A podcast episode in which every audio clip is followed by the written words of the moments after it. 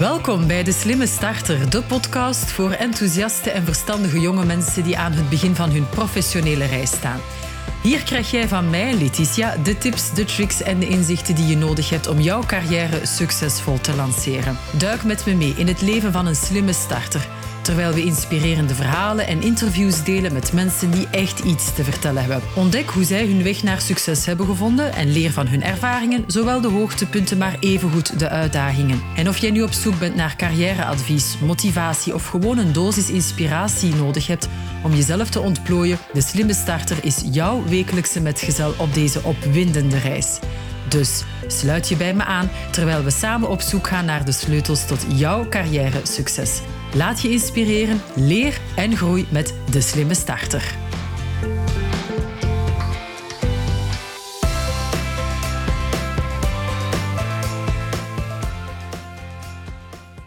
Welkom bij de allereerste aflevering van De Slimme Starter. Vandaag heb ik een buitengewone gast die zijn inzichten en expertise met ons wil delen.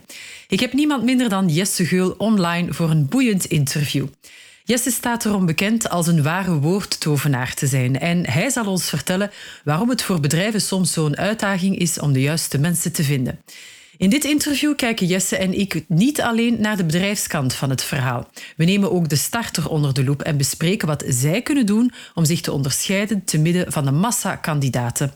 Dus als jij wil begrijpen hoe jij vacatures moet ontcijferen of zelfs schrijven, en hoe je jezelf overtuigend kan presenteren in je sollicitatiebrief, dan ben jij hier aan het juiste adres. Laten we dus snel van start gaan met het gesprek en ontdekken hoe wij die perfecte match kunnen vinden.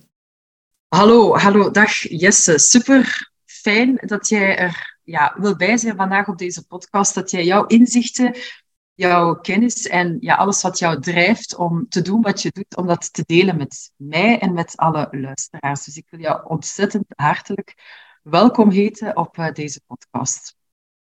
Ja, dankjewel. Leuk, uh, leuk om dit te mogen doen. Heel leuk, inderdaad. Ik ben heel erg blij dat je op mijn vraag bent uh, ingegaan. Um, als ik het goed begrijp, of goed begrepen heb vanuit jouw profiel, want ik volg je al een tijdje op LinkedIn, dan ben je eigenlijk vooral gedreven door ja, het juist vinden van woorden en van de manieren waarop bedrijven de juiste mensen kunnen ja, in hun team krijgen. Klopt dat? Ja, ja nee, dat klopt. Het is, ik, ik richt me heel erg op, uh, uh, voornamelijk op bedrijven die, die, nou ja, gewoon, die gewoon sollicitanten zoeken. En ik denk dat waar ik, nou ja, waar ik gewoon goed in ben, is, is het vertellen van hoe, wat, welk verhaal wil je nou vertellen en hoe doe je dat vooral? Want ik denk dat de meeste mensen wel een redelijk beeld hebben bij welk verhaal ze willen vertellen, maar vooral mm -hmm. hoe ze dat moeten doen. Hè, of dat nou in een vacaturetekst is of op een LinkedIn-post of ook gewoon in één op één gesprekken. Ja, daar worstelen veel bedrijven mee. Stanten ook trouwens, hè, als ze zichzelf moeten verkopen. Dus ik denk in het algemeen dat mensen het lastig vinden om zichzelf of iets, een vacature, uh, aan te prijzen. Want hoe doe je dat dan? Welke woorden gebruik je? Hoe zorg je ervoor dat het aantrekkelijk is, dat het origineel is, et cetera, et cetera? En dat is inderdaad wel echt hetgene waar ik, uh, ja, waar ik bij help. En waar ik denk ik ook wel mijn toegevoegde waarde in heb. Ja. Dus stel je bent uh, op zoek naar mensen. Waar maken bijvoorbeeld bedrijven in vacatures de grootste fout in? Uh, nou, dat is wel een waslijstje hoor. wel, geef ja, maar. Ik denk, ik... Of de, je top drie. je mag je top drie anders geven. Want dat ja, ja, nou ik zal eens even denken of ik dat zo mooi kan structureren. Kijk, wat je, wat je ziet bij vacatureteksten is dat, uh, nou, het eerste is alles lijkt op elkaar. En uh, dat komt denk ik doordat de mensen die vacatureteksten schrijven het ook lang niet altijd leuk vinden. En het ook gewoon moeilijk vinden. Dus wat er dan gebeurt is, oh ja, uh, shit, ik moet een vacaturetekst schrijven. Nou, ik, uh, ik, ik pak even een oude erbij. Of ik uh, pak even een voorbeeld wat ik op internet zie staan. En dat ga ik dan vervolgens een beetje aanpassen. Dat, dat zie je heel veel gebeuren. En dat heeft dus als gevolg dat alle teksten op elkaar gaan lijken. Uh, hè, dat alle vacatures te beginnen met... Uh, wij zijn op zoek naar een enthousiaste teamplayer. En ik, ja, dan denk ik wel eens van... Hè, uh, oké. Bijvoorbeeld het woordje enthousiast, wat er heel vaak in staat. Bijna altijd. Waarom? Waarom? Waarom moet iemand enthousiast zijn? En wat verstaan we eigenlijk onder enthousiast? Wanneer ben je enthousiast? Het zijn allemaal hele abstracte dingen, maar het zijn van die standaard woorden, standaard zinnen die altijd terugkomen, omdat mensen elkaar gewoon kopiëren. En dat is, ja, dat is zonde. En ik denk dat, dat als jij als sollicitant dan dus ook vacatures gaat lezen en alles lijkt op elkaar, nou, dan valt het dus niet op, dan kun je niet onderscheiden. Maar tegelijkertijd, zo'n sollicitant weet ook niet meer, ja, wat is nou het verschil en wat moet ik nou geloven en wat niet. Dus ik denk dat daar een heel groot probleem zit bij vacatureteksten. En zeker bij flexibiliteit, uh, of flexibel, we zoeken iemand die flexibel is. Dat is precies zo'n term die je op meerdere manieren kan uitleggen. Want flexibel kan betekenen flexibel qua werktijden. Hè? Van, uh, oh ja, je moet vanavond doorwerken tot uh, acht uur, want er speelt iets. Maar flexibel wordt ook vaak ingezet als we het hebben over verschillende taken. Dus van, ja, de ene dag uh, ben je bezig met dossiers in orde maken, maar in één keer komt er wat tussendoor waardoor je naar een klant moet. Dus je moet flexibel zijn in je instelling. Nou, dat zijn wel twee totaal verschillende uitwerkingen. Dus daar zie je inderdaad bij vacatureteksten dat door veel van die algemene termen ook te gebruiken, het niet duidelijk is wat er bedoeld wordt, voor de sollicitant niet, maar vaak ook vanuit het bedrijf zelf niet. Want dat is eigenlijk het tweede punt wat vaak fout gaat bij vacatureteksten, is dat men eigenlijk niet zo goed weet wat die functie nou precies inhoudt, of wat die functie nou leuk maakt. Of... En dat komt, denk ik, doordat vacatureteksten in de regel geschreven worden door mensen van HR of recruitment, die niet inhoudelijk genoeg weten van de functie vaak. Die krijgen hun input vanuit de manager. En die manager weet het ook niet altijd.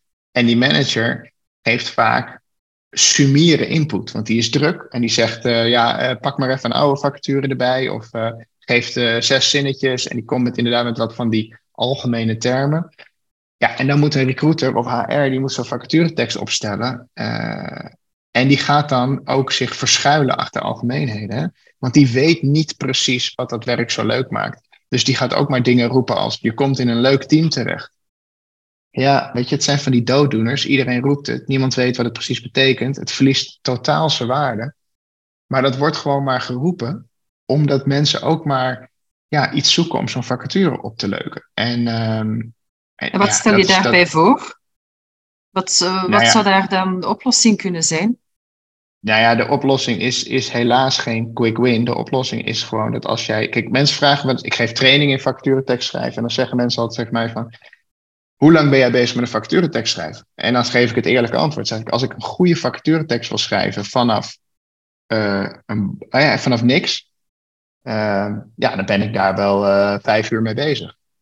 En dat is het antwoord wat niet iedereen wil horen. Want mensen hopen altijd dat ze het in een uurtje kunnen doen. Maar dat is gewoon niet mogelijk. Als jij een goede vacaturetekst wil schrijven, dan moet je minimaal een uur lang een, een intake doen met, met de manager of met iemand die dat werk al doet. Want dan moet je echt goed gaan vragen van, maar wat, wat doe je nou op zo'n dag? En uh, er staat hier, je, iedereen helpt elkaar. Maar wat, wat bedoel je daarmee? Geef eens een voorbeeld. En wat is er nou echt leuk aan dit werk? Wat zijn nou echt de voordelen? En er staat hier, oh ja, doorgroeimogelijkheden. Maar wat zijn dan doorgroeimogelijkheden? Geef eens een voorbeeld van iemand die doorgegroeid is. En dat soort concrete vragen, die informatie heb je nodig. Wil jij een goede tekst kunnen schrijven? Dus daar begin je mee. Ja, en dan moet je het gaan schrijven. En, en nou, afhankelijk van hoe snel je schrijft. Maar heb je daar echt wel een paar uur de tijd voor nodig. Dus mensen moeten afstappen van het idee dat je eventjes in een uurtje of twee een vacaturetekst schrijft. Dat kan gewoon simpelweg niet. Dus dat is stap één. Beseffen dat het echt wel wat meer tijd kost. En dat vindt men altijd heel lastig. Maar ik ben er heilig van overtuigd dat als je die tijd aan de voorkant neemt, daarmee een veel betere, duidelijkere en aantrekkelijkere tekst opstelt, dat het je aan de achterkant veel meer oplevert. A, qua sollicitanten. Dat is één en dat is het allerbelangrijkste. Maar ook de juiste sollicitanten. Want als jij in je tekst goed omschrijft wat, er wat, wat daadwerkelijk die functie behelst, dan zul je ook zien dat de mensen die daar dus niet op passen, niet reageren. En de mensen die daar wel op passen, juist wel. Dus die tijd, die extra uurtjes aan de voorkant, dat voelt voor heel veel mensen als, uh, ja, die tijd hebben we niet, dus doe het maar even snel. Maar het is echt een verkeerde inschatting, een verkeerde bezuiniging van tijd. Want juist die uurtjes aan de voorkant levert je zoveel meer op aan de achterkant. Ja, ja, eigenlijk geef je op die manier ook wel aan dat mensen, enfin, daarmee bedoel ik dan bedrijven, echt wel de kansen laten liggen om de juiste mensen aan te trekken en eigenlijk de tijd die ze hopen uit te sparen, uh, of moeten uitsparen omwille van een drukke agenda, ja, dat ze die eigenlijk gewoon helemaal dubbel en dik ja, verliezen, betalen door foute sollicitanten in hun team te krijgen. 100 procent. Ik heb wel vaker meegemaakt dat, uh, dat managers tegen mij zeiden van, uh, toen ik zelf ook nog als recruiter werkte, dat managers, managers zeiden van, hé, we hebben hier facturen en we hebben super veel haast, want we hebben diegene zo snel mogelijk nodig. Die vacature moet morgen online. En ik zei, ja, dat, dat, dat gaat gewoon niet, weet je. Ik, ik, kan dat, dat red ik niet qua tijd en uh, ik moet dingen weten en ik moet het aanpassen. En dan, die tijd hebben we niet. Nee, doe maar copy-paste, doe maar gewoon wat er nu is. Ik zeg maar, dit is geen goede vacaturetekst. Maakt niet uit, gooi je maar online. We hebben haast. Nou, alle waarschuwingen van dien. Prima. Uh, hè? Uiteindelijk is het toch een manager die beslist. Nou, oké, gaan we die factuur online.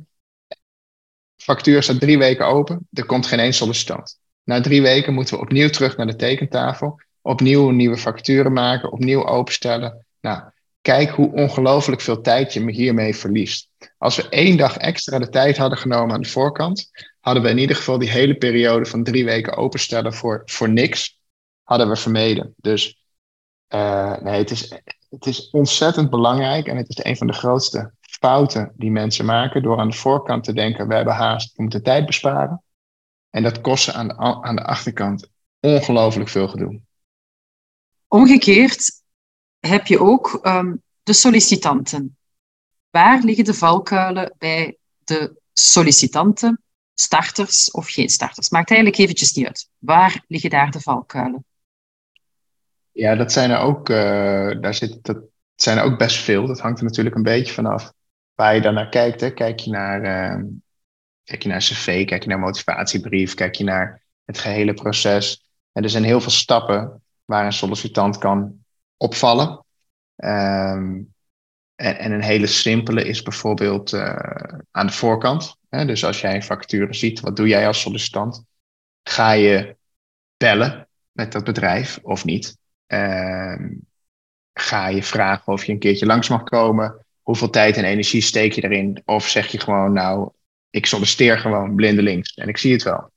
Ja, dat zijn al, dat zijn al eerste stappen die heel bepalend kunnen zijn. En het hangt er een beetje van af wat voor soort functie het is, uh, wat je precies moet doen. Kijk, ik kan me ook voorstellen dat als jij een vacature ziet en die sluit over vijf dagen, dat je denkt, ik ga snel solliciteren. Ja, dat, dat begrijp ik. Dan is dat de situatie.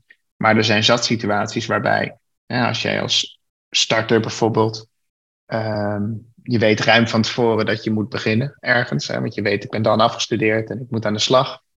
En ik wil graag, uh, ik noem maar wat, ik wil bij de overheid aan de slag. En ik wil uh, een functie als beleidsmedewerker. Dat weet je, dat wil je graag doen. Ja, daar kan je heel erg op voorsorteren. Dan, had je dan kan je makkelijk contact leggen met mensen. Je kan een informatief gesprek aangaan. Je kan vragen of je een keertje langs mag komen voor de koffie. En dat soort handelingen helpen je enorm voordat je daadwerkelijk solliciteert. Dus dat zijn al belangrijke stappen die je als sollicitant kan zetten. Um, en dan heb je natuurlijk het proces zelf, hè? dus het solliciteren zelf. Wat je dan, dus hoe maak je je cv, uh, hoe maak je je motivatiebrief als dat nodig is. Een beetje afhankelijk van de functie ook. Um, dus die zou je moeten opdelen. Maar ik, is dit in eerste instantie al een beetje een antwoord waar je ja, ja, zeker. Um, bij die motivatiebrief heb, vallen ook daar de sollicitanten vaak in ja, copy-paste verhalen waarbij zij ja, het doen zoals het moet, zoals het hoort. En dan zal uh, het diploma wel voor zich spreken. En leg het dan allemaal wel maar uit wanneer je wordt uitgenodigd op het sollicitatiegesprek. Um, is vaak een beetje de bon ton. Um, ja, de aanpak of toch de suggesties die starters krijgen als zij zich moeten aanbieden voor uh, ja, die allereerste job.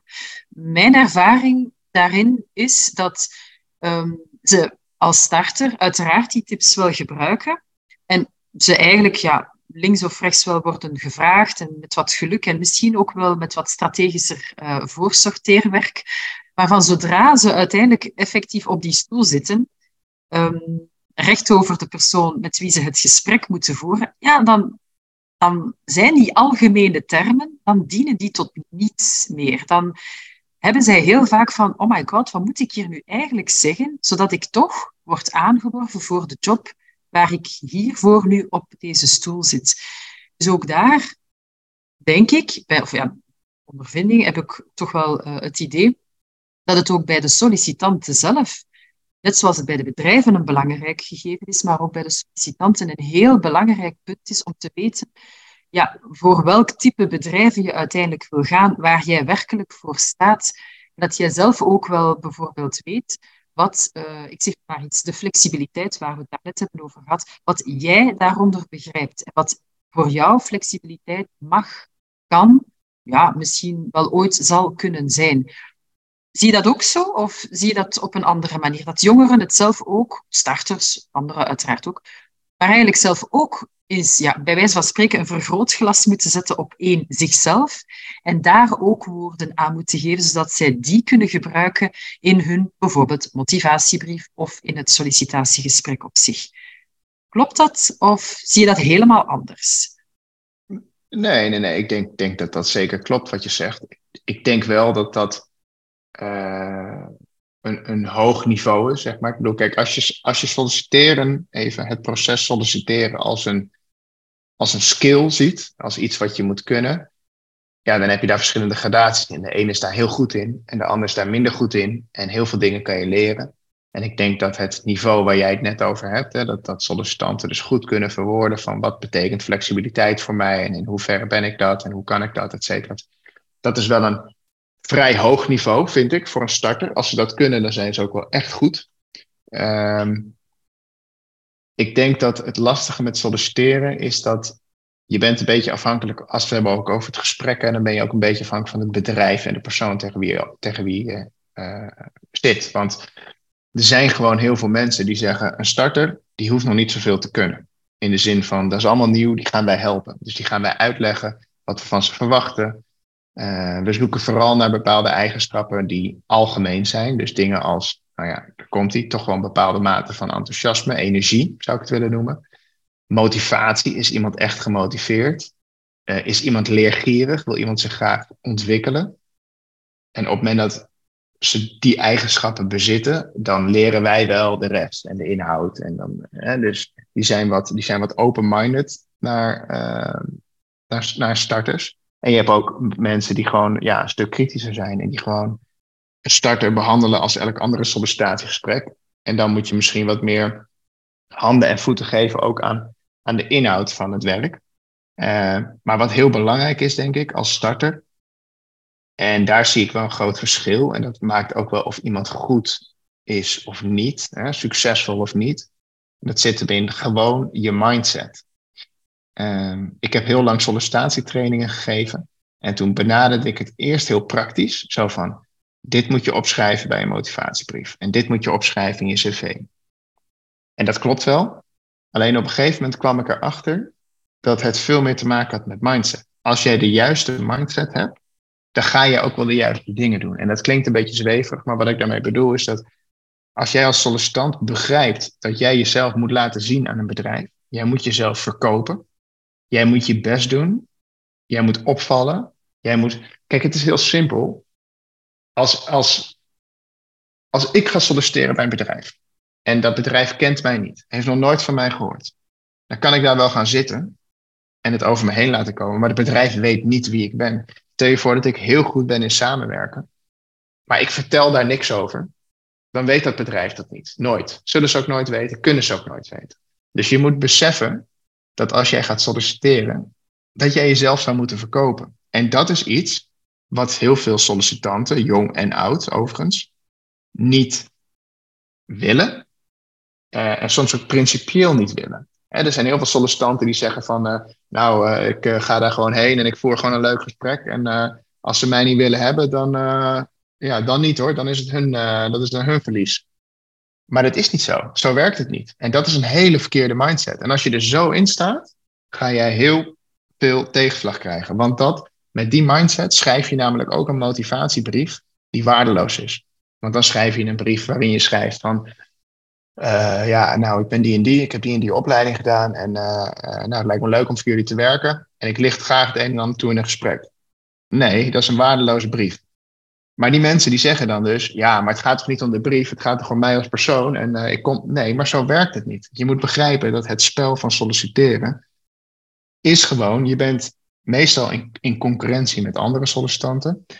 Iemand, iemand die jouw cv en brief ontvangt, kent jou niet. Die, die heeft alleen de informatie die op papier staat om op af te gaan. En als jij dan schrijft, ja, uh, uh, het lijkt me leuk om voor jullie te werken en ik licht het graag toe op gesprek, daar kan iemand helemaal niks mee. Dus je zal toch echt wel even moeten begrijpen dat jij jezelf moet verkopen, dat je, dat je moet uitleggen waarom je, uh, nou ja, waarom je dat wil doen bijvoorbeeld. En waarom, misschien wel waarom jij daar geschikt voor bent. En die mindset is gewoon enorm belangrijk. En mensen die die mindset hebben, die dat snappen, en die dus inderdaad de moeite doen om zichzelf te verkopen, die, uh, en dat is niet liegen, hè? Dat, is niet, dat is niet mooier maken dan het is, maar dat is gewoon vertellen waar je goed in bent. Als ik aan jou vraag, waar ben je goed in? En jij gaat heel bescheiden lopen doen. En jij gaat zeggen, ah oh ja, dat weet ik niet. Dat, uh, dat laat ik aan anderen. Dan, dan heb ik aan het einde van het gesprek geen enkel beeld van jou. Dan kan ja. ik jou nergens op beoordelen. Dus... Maar daar heb je natuurlijk al wel een, een punt dat wel best wat uh, jonge mensen, en, en, misschien ook ouderen, ik richt mij hier nu vooral over op de starters, um, ja, dat zij soms ook gewoon nog een hele tijd niet durven zeggen waar zij precies sterk of goed in zijn. Um, veel hangt ook af van in welke omgeving je bent opgegroeid, met welke mindset je ook bent opgegroeid.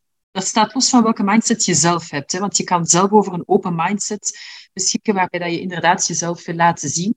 Maar als jou wordt aangeleerd van nederigheid, flink zijn, gewoon mooi in de pas lopen en dergelijke, en je beschikt over ongelooflijk veel vaardigheden, skills, talenten en noem het maar op, en je bent niet gewoon om jezelf te verkopen, want ja, starters, ja, ben nu misschien te eng aan het denken en corrigeer mij gerust hoor.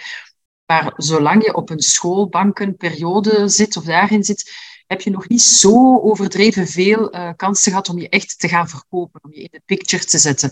En ik, ik merk echt wel dat heel wat jongeren het ja, not done vinden, niet oké vinden of zich daar helemaal niet comfortabel bij voelen om te tonen aan bijvoorbeeld uh, de werkgever, de toekomstige werkgever, van kijk, dit is waar ik voor sta, dit is waar ik goed in ben en voilà, op welke manier kunnen wij matchen met elkaar? Er zijn heel weinig mhm. starters die dit durven, heel weinig. Klopt. En nogthans Klopt. ben ik ervan overtuigd dat als zij de, de, de woorden vinden, de inzichten vinden waar ze ook werkelijk sterk in zijn en dat ook durven te benoemen, want dat is nog een stap verder, ja, dan heb je echt wel heel veel stappen voor op ja, anderen die dat niet kunnen, niet willen, of die met een totale foute mindset bijvoorbeeld aan zo'n sollicitatiegesprek uh, zouden gaan beginnen. Dat is mijn visie daarop. Wat denk jij daarvan? Dat, uh, ja, dat, dat is zo. Ja, helaas, helaas zou ik willen zeggen. Want het is dus ook hetgene wat, uh, wat ervoor zorgt dat menig starter het moeilijk vindt om een baan te vinden, omdat ze dit proces ook heel moeilijk vinden. Wat, wat heel begrijpelijk is. Hè? Want als, ik bedoel, kijk, ik heb makkelijk praten inmiddels. Uh, ik, heb, ik heb aardig wat jaartjes ervaring hiermee. En, ik, en, en ook nog natuurlijk aan de goede kant van de tafel. Dus ik weet, ja, ik weet gewoon wat wel werkt en wat niet werkt. Maar toen ik twintig was, en voor het eerst zelf ging solliciteren, uh, heb ik ook de nodige afwijzingen gehad. Dus ik weet ook zeker hoe het is uh, ja, om eigenlijk gewoon geen idee te hebben wat je doet. En dat is lastig. En ja, en, en de enige manier, want daar is ook niet een, een, een eenvoudig antwoord op in die zin dat, kijk, het zal altijd zo blijven dat mensen die starten, die hebben gewoon, die weten het niet. Dus die hebben hulp nodig.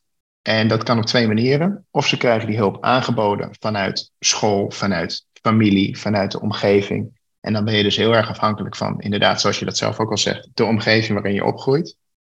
Uh, dat is één. Het tweede is dat um, ja, als jij die, die ervaring op die manier niet zelf of niet toegewezen kreeg, dan moet je het zelf opzoeken. En dan, vraag, dan komt het heel erg aan op proactiviteit en zelfstandigheid. En sommige starters zijn heel erg ondernemend en zijn heel erg proactief. En die gaan zelf op LinkedIn kijken en die gaan uh, sollicitatietips opzoeken en die gaan video's kijken op YouTube en et cetera. Ja, en in beide gevallen kom je er wel dan. Maar er zijn natuurlijk ook heel veel starters die niet die omgeving hebben en die niet zelf zo proactief zijn. Ja, en, en dan zal je toch echt moeten leren door uh, op je bek te gaan. Wat ook niet erg is, want je bent nog jong, dus je kan prima op je bek gaan. Maar ja, dan, dan, ja, dan is het ook wel onderdeel van het proces dat je toch een keer of vijf afgewezen gaat worden. Ja. Wat helemaal niet erg is, want daar leer je van. Maar ja, dat zijn wel een beetje de smaken die er zijn. Ja, of in het laatste geval, misschien zelfs ook in de eerste twee gevallen, je laat je begeleiden door Ehm, bijvoorbeeld door iemand zoals, zoals jij, ik zeg nu maar iets, die zegt van kijk, zo moet je mhm. dat doen in een sollicitatiegesprek of uh, wat ik dan zelf ook doe, starters begeleiden, gewoon om een inkijk te hebben, een eerste opstap. En uiteraard ga je op je bek, uiteraard ga je uh, tegen muren lopen of, of uh, wat je start gaat niet meteen lukken. Dat hoort er nu eenmaal bij. Maar dan ben je naar mijn mening echt wel al een paar etappes verder dan als je echt start, start, start, echt in het embryonale zelfs bijna, om vanuit het niets zomaar naar uh, die arbeidsmarkt te gaan en je aan te bieden.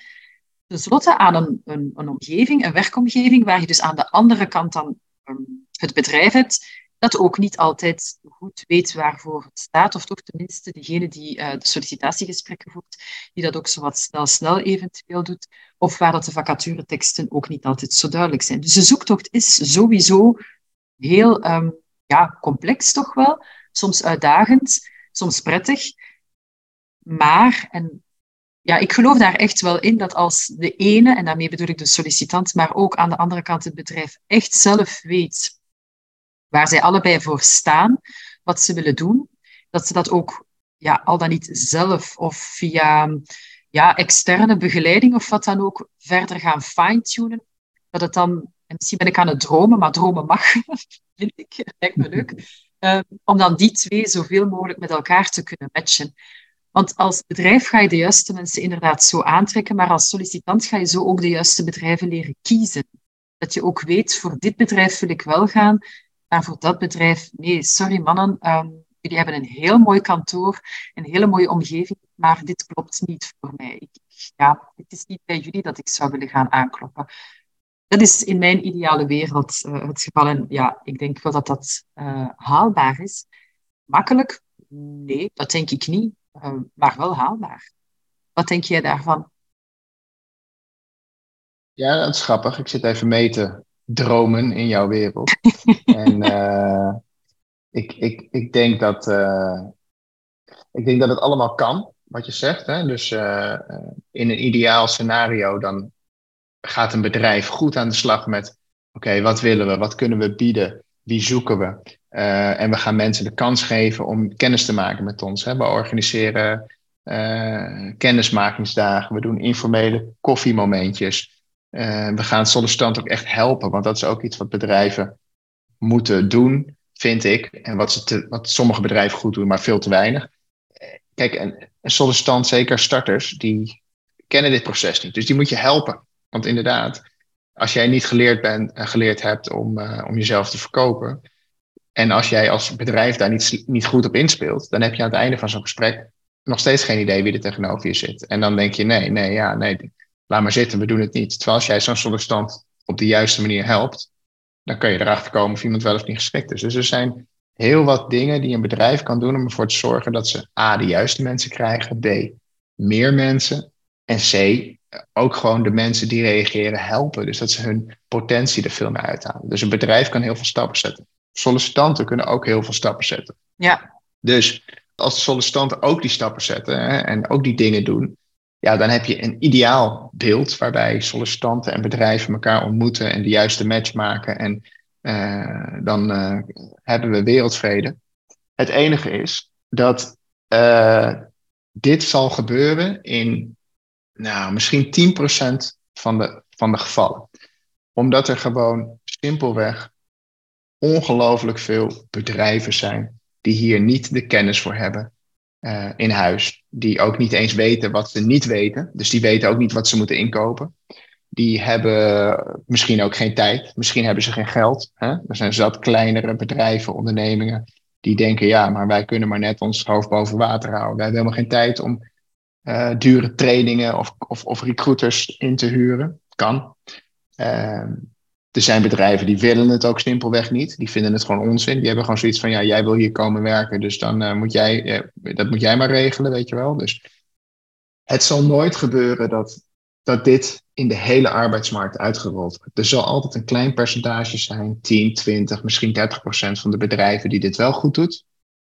Maar veruit het merendeel zal dit nooit zo doen, omdat ze de capaciteit niet hebben, de kennis niet hebben. En voor sollicitanten geldt precies hetzelfde. Er zal altijd 10, 20, 30 procent sollicitanten zijn die het heel goed voorbereidt, de juiste mindset, de juiste tools gebruikt. Maar er zal altijd, en dat zal ook de meerderheid zijn, een deel sollicitanten zijn die het niet begrijpt, maar die het ook niet, die het ook niet wil begrijpen, of die gewoon simpelweg niet weet wat ze niet weten. Uh, ja, ik, ik, dat ideaalscenario wat je schetst, het bestaat, maar het is de top van de markt. En het is maar een klein stukje van de markt. Ik, denk, ik durf wat te stellen dat 80% van de markt dit niveau nooit zal bereiken.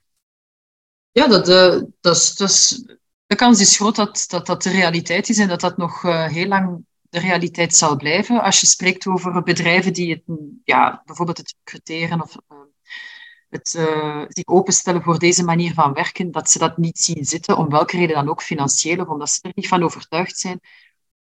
Mijn mening is dat een keuze.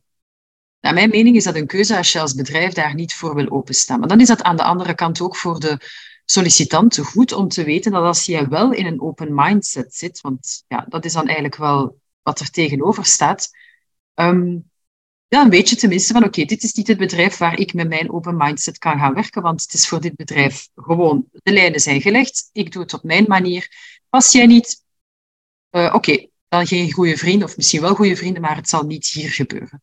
Maar dan heb je mhm. als sollicitant wel tenminste het idee en gewoon ook het beeld wat dat bedrijf voor jou kan betekenen. Want dat, daar blijf ik wel ja, voor een groot stuk van overtuigd dat het een win-win uh, moet zijn in, in twee richtingen, zowel naar het bedrijf toe als naar de andere kant toe. Een bedrijf dat eigenlijk niet de juiste mensen kan aanwerven, er zijn heel wat redenen en ik uiteraard kan ze hier ook allemaal niet op, maar één daarvan is dat je soms als bedrijf, of heel wat bedrijven, zelf eigenlijk niet goed weet waar je precies voor staat of waar je naartoe wil gaan. En dan is het natuurlijk ook heel lastig om mensen te vinden die passen in jouw team en die ervoor kunnen zorgen dat jouw bedrijf groeit um, en alles wat daar dan weer uit voortvloeit. Dus over die bedrijven, die gaan er inderdaad altijd bestaan. Jammer, maar dat is een realiteit. Aan de andere kant, wat je aangeeft van 20%, misschien 30%, oh, misschien is er wel een 10, 20, 30 procent dat nog niet weet hoe het precies zijn visie moet uitklaren, duidelijk maken, um, die het voorlopig nog niet durft om daarin te investeren. En dan bedoel ik niet per se geld, maar ook gewoon tijd. Want soms hebben ze het talent gewoon zelf in eigen huis om dat allemaal een keer mooi op papier te zetten en dat is allemaal goed te bekijken. En anderen zeggen van ja, wij willen daar eigenlijk wel wat letterlijk financieel iets gaan in investeren, omdat wij als bedrijf ook willen groeien met inderdaad dan opnieuw de juiste mensen. Dus die 20 procent, ja, misschien vandaag, ik geloof echt wel dat dat makkelijk naar maal twee kan gaan als je je daar als bedrijf voor openstelt om daar effectief werk van te maken. Maar dan komen we uit op wat je daar net ook hebt aangegeven. De manager bijvoorbeeld, die zegt, ah, morgen, morgen moet die vacature al online staan. En voilà, dat zijn eigenlijk de keywords. Uh, zover dat het klaar is. Ja, nee, zo op deze manier ga je het uiteraard niet in orde krijgen. Dat, dat, is, dat is de zekerheid. En is dat een koers dat je wil varen? Prima. Dat is een keuze die jij als bedrijf maakt. Kijk, wat mij in ieder geval triggert, en dat vind ik wel interessant, is dat je zegt, is dat jij heel duidelijk een link legt tussen, kijk, de sollicitant en het bedrijf. Um, want daar zit natuurlijk een grote. Er, er zit een, er zit een win-win situatie in, die niet altijd zo wordt gezien. Want het wordt toch vaak gezien als sollicitant versus het bedrijf. Hè? Want je hebt een bedrijf zoekt iemand en uh, zijn afhankelijk van sollicitanten. En sollicitanten willen ergens werken, zijn afhankelijk van de bedrijven. Maar uiteindelijk zoek je naar een win-win situatie. En als sollicitant heb jij inderdaad de taak om jezelf zo goed mogelijk te presenteren, zodat het bedrijf zoveel mogelijk informatie heeft. En als bedrijf heb jij de taak om de situatie zo goed mogelijk te maken, maar ook om een sollicitant te helpen met die informatie te verkondigen, eh, de juiste vragen te stellen, iemand op zijn gemak te stellen. En daar valt heel veel winst te behalen. En dat is ook denk ik waar daar krijg ik ook zelf energie van. Dat is ook denk ik wel de kern van wat ik doe qua werk. Ik geef, ik geef trainingen en ik geef advies, maar het zit hem wel vaak op dit soort dingen. Dat ik ik probeer bedrijven in te laten zien van je kan zoveel meer bereiken voor jezelf hè? Uh, door een andere instelling, door je anders op te stellen. Door, uh, nou ja, en inderdaad, als je dan hebt over hoe uitzicht dat dan? Want mindset is leuk, maar hoe uitzicht dat? Ja, dat uitzicht inderdaad door uh, bijvoorbeeld tijdens een sollicitatiegesprek iemand helpen. In plaats van er een vragenvuur van maken en vervolgens verwachten dat iemand alles maar wel ophoest. Nee, heel, andere, heel anders zo'n insteek gaan doen. Ehm, en dat betekent niet dat je, dat je altijd maar lief hoeft te zijn of dat je altijd maar uh, medelijden moet hebben met sollicitanten. Helemaal niet. Want er zijn ook zat sollicitanten die zich gewoon voor geen meter voorbereiden, daar gaan zitten en denken: ik zie het wel. Ja, dan doe je ook niet echt je best als sollicitant. En dan hoef je ook niet, vind ik, van een bedrijf te verwachten dat die dan maar uh, uh, jou alle kansen geven. Dus het is altijd een samenspel, dat is heel belangrijk. En ik denk dat proactiviteit, of dat nou vanuit het bedrijf komt of vanuit de sollicitant, enorm belangrijk is. En proactiviteit is ook is een instelling, want dat, zo zie ik het echt, die ik heel erg, uh, die ik heel erg waardeer. En waar ik ook heel erg zie dat bedrijven die dat doen, of sollicitanten die dat doen, die zijn echt opmerkelijk succesvoller. Ja, dus met andere woorden, op voor, ja, voorbereiden, um, initiatief nemen en ja, uh, je kan ze dan eigenlijk gewoon wagen, puur vanuit je eigen, ja, ik, je eigen persoon en alles erop en eraan. Maar vooral op voorhand, ja, je Zeker. huiswerk maken, daar komt het eigenlijk voor een groot stuk op neer. En dan ja, de... dat geldt twee kanten op. Want als je die, als je die ja, vergelijking ja, wil trekken, dan zou je kunnen zeggen, als sollicitant betekent dat dat je je huiswerk doet, dat je je inleest, dat je van tevoren belt, dat je kijkt of je langs kan komen, dat je een goede brief schrijft, dat je een goed cv hebt, dat je je gesprek voorbereidt. Dat is de kant van de sollicitant. En voor, de, voor het bedrijf geldt inderdaad dat je goed uitzoekt wie zoeken we, wat is leuk aan deze functie, wat houdt het precies in. Um, we, moeten, we moeten mensen kunnen ontvangen, we, we moeten het leuk voor ze maken, et cetera.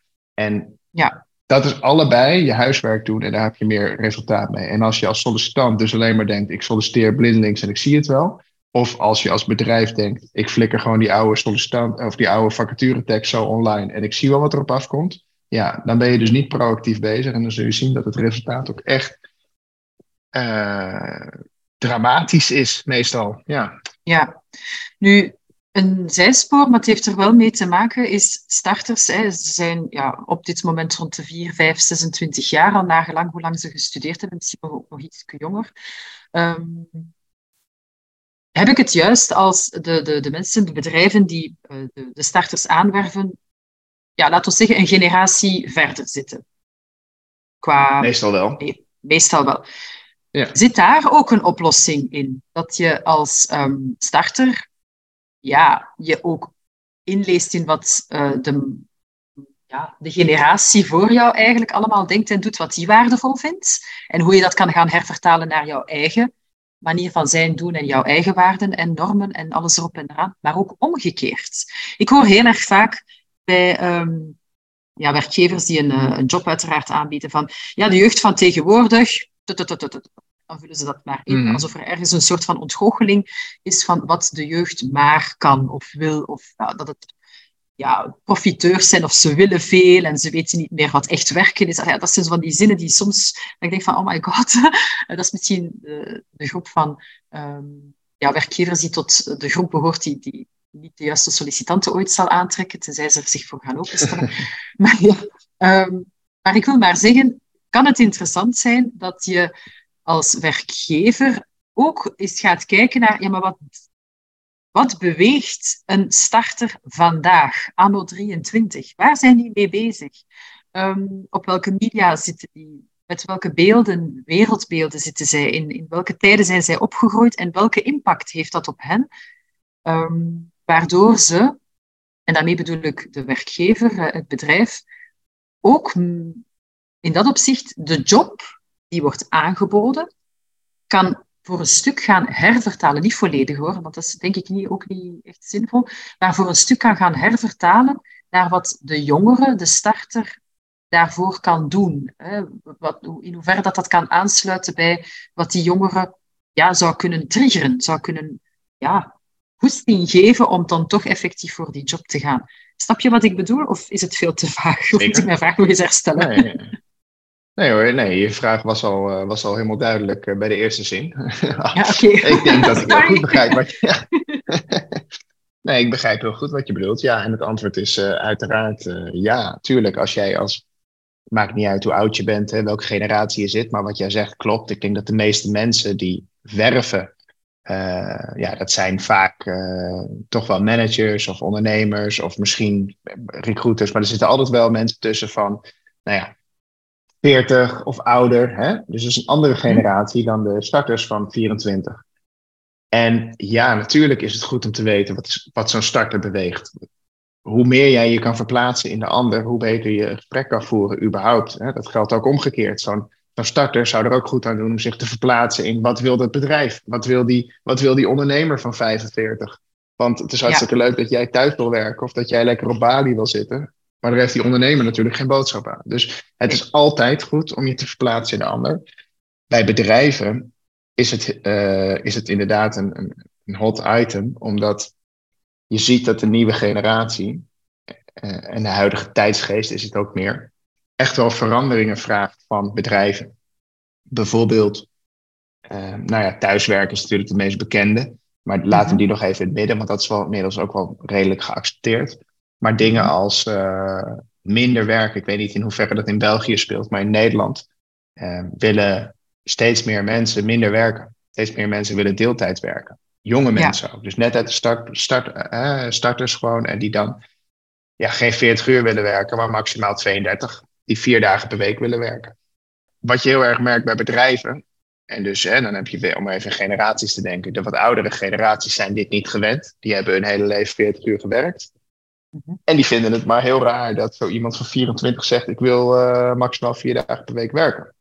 Ja, uh, dan zijn er twee dingen die je kan doen als bedrijf. En dat is uh, zeggen belachelijk en de jeugd is niks meer gewend en ze bekijken het maar. Mhm. Of je zegt: Oké, kennelijk is dit iets wat men wil. Wij gaan ervoor zorgen dat onze vacatures ook voor vier dagen per week ingevuld kunnen worden. En, en wij gaan kijken hoe we dat gaan aanpassen binnen het bedrijf. Nou, ja. Uiteraard ben ik voorstander van dat laatste. Mhm. Simpelweg. Niet omdat ik vind dat het beter is om vier dagen te werken of beter om vijf. Dat maakt niet uit. Ik heb daar geen waardeoordeel over. Waar het om gaat is dat je, wil, het, je wil een werkbare situatie creëren. Als ik, nou, ik ben ondernemer, maar ik heb geen mensen in dienst. Maar als ik mensen in dienst ga nemen, dan zou ik gaan kijken, wat, ja, wat werkt het beste? Zoek ik iemand en die wil vier dagen per week werken, dan ga ik kijken, oké, hoe kunnen we dat proces, hoe, kunnen, hoe kan ik dat faciliteren? En ik ga dan niet stug vasthouden aan wat ik vind. Kijk, het moet wel mogelijk zijn. Het is natuurlijk niet altijd mogelijk om part-time te werken. Dus er zijn ook situaties waarin het antwoord gewoon simpelweg nee is, omdat het niet kan. Mhm. Maar ik denk dat in heel veel situaties er echt wel meer mogelijk is. En dat mensen nu vooral vasthouden aan bepaalde principes. Terwijl als je je, ja, je kan je verplaatsen in de ander, je kan je inleven, maar nog los daarvan, als je het gewoon pragmatisch bekijkt, dan ga je gewoon op zoek naar oplossingen. En oplossingen zouden kunnen zijn dat je zegt, nou, we gaan kijken hoe, we, hoe we het wel kunnen faciliteren. Dus ik denk dat daar ook een, uh, een belangrijk onderdeel van de puzzel zit. Namelijk, als je dat wel weet te doen, als je die vertaalslag wel weet te maken, denk ik ook dat je automatisch aantrekkelijker bent voor jonge sollicitanten. Ja, en dan opnieuw ja, komen we van de 20% waarschijnlijk toch tot de 40, 50% van de bedrijven die ja, voilà, dan toch wel met de juiste mensen uh, aan het werk kan gaan. En ja, de visies die ze hebben of de dromen die ze hebben binnen het bedrijf, om die ook effectief met die uh, starters um, ja, waar te maken. Daar komt het uh, ook op neer. Hè. Dus ja, de win-win. het is eigenlijk huiswerk, het is voorbereidend werk voor de twee. Mogen duidelijk zijn. Het is niet een of-of verhaal. Het is zoeken waar, waar je zelf voor staat, waar de puzzelstukken vallen. Klopt. En ja, wauw, ik heb hier um, heel veel opnieuw inzichten gekregen. Ja, ik vind het heel fijn de manier waarop je het ook allemaal verwoordt. Duidelijk. Um, je weet waarover je spreekt. Het is altijd fijn om, om, om op die manier gesprekken te voeren. Heel erg bedankt, Jesse. Echt super fijn dat je hiervoor hebt tijd vrijgemaakt. Graag gedaan. Hartstikke goed. Nou, dankjewel. Leuk om hier te zijn. En uh, jij ook veel succes. Ja, dankjewel.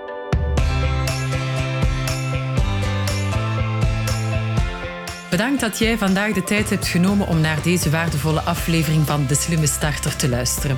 Ik hoop dat je net zo geïnspireerd bent als ik door de inzichten en de tips die Jesse Geul met ons heeft gedeeld. En ben jij klaar om je vacatureteksten te verfijnen en meer te leren van Jesse?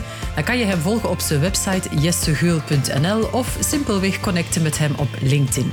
Hij staat klaar om jou te begeleiden bij het aantrekken van de juiste kandidaten voor jouw organisatie. En voor degenen onder jullie die aan de start van hun carrière staan, heb ik een spannende kans voor jou. Schrijf je in voor mijn masterclass op 28 september via www.oida.be slash de starter. Want hier ga je veel meer leren over het lanceren van jouw carrière en het vinden van de perfecte match voor jouw professionele reis. Dus blijf luisteren naar de Slimme Starter voor meer waardevolle inzichten en inspirerende gesprekken. Tot volgende aflevering en heel veel succes met het vormgeven van jouw carrière. Bye bye!